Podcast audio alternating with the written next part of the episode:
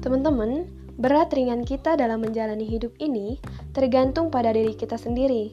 Apakah kita bisa memahami bahasa duniawi atau tidak?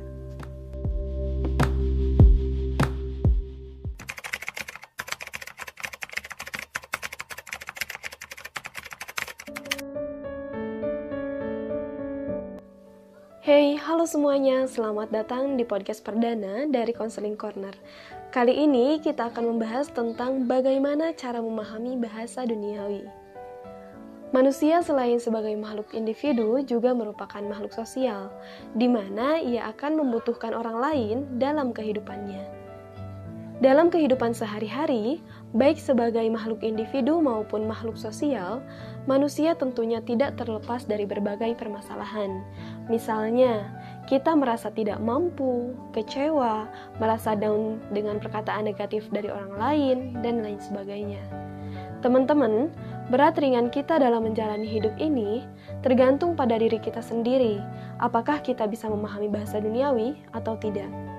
Yuk kita simak 10 bahasa duniawi yang perlu kita pahami dengan seksama. 1. Kesuksesan orang lain itu bukan kegagalanmu. Ingatlah bahwa takdir yang kita miliki tidak layak untuk dibanding-bandingkan. Pernah gak sih kita membandingkan diri dengan orang lain? Misalnya, kamu membandingkan dirimu dengan temanmu yang terlihat lebih sukses, punya pekerjaan mapan, punya rumah, mobil, sementara kamu masih berusaha dari nol dan belum punya apa-apa. Akhirnya kamu gelisah atau cemas. Padahal, terlepas dari apa yang kita miliki, kita semua adalah manusia yang sudah memiliki garis hidup masing-masing. Tidak adil rasanya jika membandingkan hasil yang didapat tanpa pernah tahu proses macam apa yang telah dilalui. Dengan membandingkan takdirmu dengan jalan hidup orang lain, hanya akan membuatmu merasakan ketidakpuasan. Kecuali kamu mampu mengambil hikmahnya dan menjadikannya sebagai inspirasi agar lebih semangat. Kedua, gagal bukan berarti akhir dunia.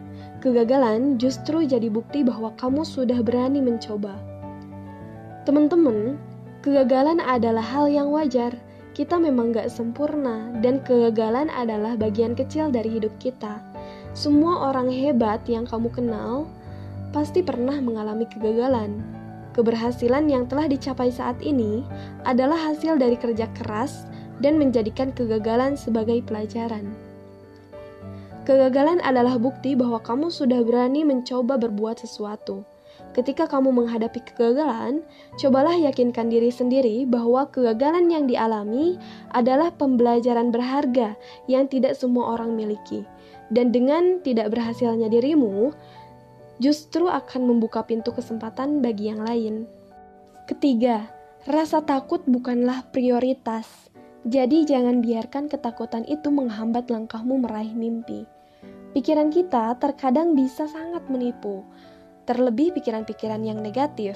Seringkali, apa yang kita cemaskan itu tidaklah nyata, semua hanya ada dalam pikiran kita. Daripada menghabiskan energi untuk memikirkan hal negatif yang belum tentu nyata adanya, kenapa kamu tidak melawan ketakutanmu dan memberanikan diri untuk menghadapi kenyataan? 4.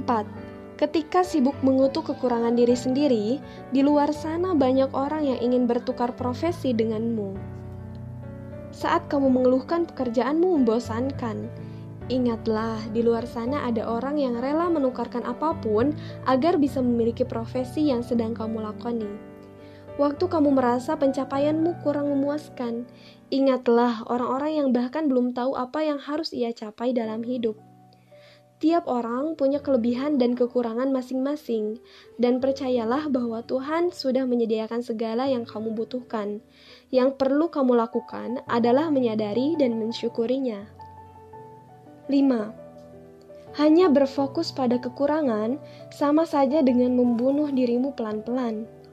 Kebanyakan orang yang merasa dirinya gagal dan gak berguna itu merupakan satu hal yang penting. Kamu juga punya banyak kelebihan. Tuhan telah menciptakan manusia secara unik dengan talenta masing-masing. Ketika kamu merasa gak berguna karena gagal melakukan sesuatu, percayalah masih banyak hal lain yang bisa kamu lakukan dengan baik. 6. Tak perlu meratapi masa lalu atau merisaukan masa depan, karena kamu hidup saat ini, bukan kemarin atau nanti. Ketika kamu merasa terpuruk dengan hal-hal yang kamu lakukan di masa lalu, atau karena kamu merasa takut dengan masa depan, ingatlah satu hal: kamu hidup saat ini. Masa lalu adalah bab yang gak bisa kamu ubah lagi, betapapun besar kamu menyesalinya. Sementara masa depan adalah misteri, ia gak akan bisa menjadi lebih baik kalau kamu gak berubah. Satu hal yang harus kamu lakukan untuk masa depan adalah menerima keadaanmu sekarang. Berdamailah dengan dirimu dan syukuri apa yang ada pada dirimu. Dengan begitu, barulah perjalananmu ke depan bisa lebih tentram, memuaskan, dan bermanfaat. 7. Sekuat apa pun kamu berusaha, ada hal-hal yang memang tidak bisa diubah dan harus diterima. Masalah dan cobaan yang datang padamu punya tujuan untuk mengubahmu menjadi pribadi yang lebih baik. Kamu bisa mengendalikan bagaimana caramu bertindak menghadapi suatu masalah. Kamu bisa mengendalikan dirimu untuk memulai kebiasaan-kebiasaan yang bisa menjadikanmu orang yang lebih baik. Tetapi, kamu juga harus menyadari bahwa ada hal-hal yang memang tidak bisa diubah. Masa lalu contohnya. Masa lalu memang jadi hal yang harus kamu terima. Ia sudah lewat, tapi kamu bisa mengubah dirimu saat ini untuk menjadikan hari esok lebih baik. 8. Segala yang ada di dunia pasti punya makna. Yakinilah bahwa kamu dan keberadaanmu itu berharga. Seekor lalat pun punya peran sebagai pengurai benda-benda organik yang membusuk. Kumbang bermanfaat untuk membantu penyerbukan pada bunga. Bahkan debu pun memiliki peran untuk menurunkan titik hujan. Sebagai manusia, Hidup kamu pun punya tujuannya sendiri. Jangan pernah merasa bahwa kamu itu gak punya makna, karena menjadi bermakna itu bisa datang dengan berbagai cara. 9. Kamu bukanlah orang yang paling merana, karena masih ada kebaikan yang bisa kamu sebarkan pada sesama. Perasaan bahwa kita gak dicintai itu memang bikin kita merana, tapi, justru saat itulah kamu harus menyebarkan kebaikan. Saat kamu merasa gak berguna, sadarilah bahwa masih banyak orang yang gak seberuntung dirimu. Mereka sedang berjuang dengan caranya masing-masing. Makanya, saat kamu merasa kekurangan cinta, maka bagikanlah cinta. Dengan memberi, kamu akan sadar bahwa sebenarnya ada banyak hal yang bisa kamu syukuri dari dirimu. Ucapan terima kasih dan senyuman tulus dari orang yang kamu bantu akan membuka matamu. Sebenarnya kamu gak pernah kekurangan cinta. Dan terakhir, ke sepuluh. Kesempatan hidup selayaknya dijalani dengan sebaik-baiknya. Lafalkan dalam kepala bahwa kamu adalah pribadi yang istimewa dan luar biasa. Ya, ini bukanlah perkataan yang mengada-ngada kamu memang pribadi yang luar biasa dengan talenta dan keunikanmu sendiri. Jadi, ingatlah 9 poin yang telah tadi kita bahas dan jangan sia-siakan dirimu untuk meratapi kegagalan dan kekuranganmu. Kamu bisa bangkit dengan kakimu sendiri, melakukan banyak hal dengan kelebihan yang kamu punya, dan menjadi lebih positif dengan kebaikan yang kamu sebarkan. Ingat, kamu itu istimewa. Ya, itulah 10 bahasa duniawi yang telah kita bahas. Semoga dengan adanya podcast ini, ada banyak hati yang rapuh menjadi terkuatkan, dan ada yang lelah kemudian menjadi bersemangat. Terima kasih telah menyimak.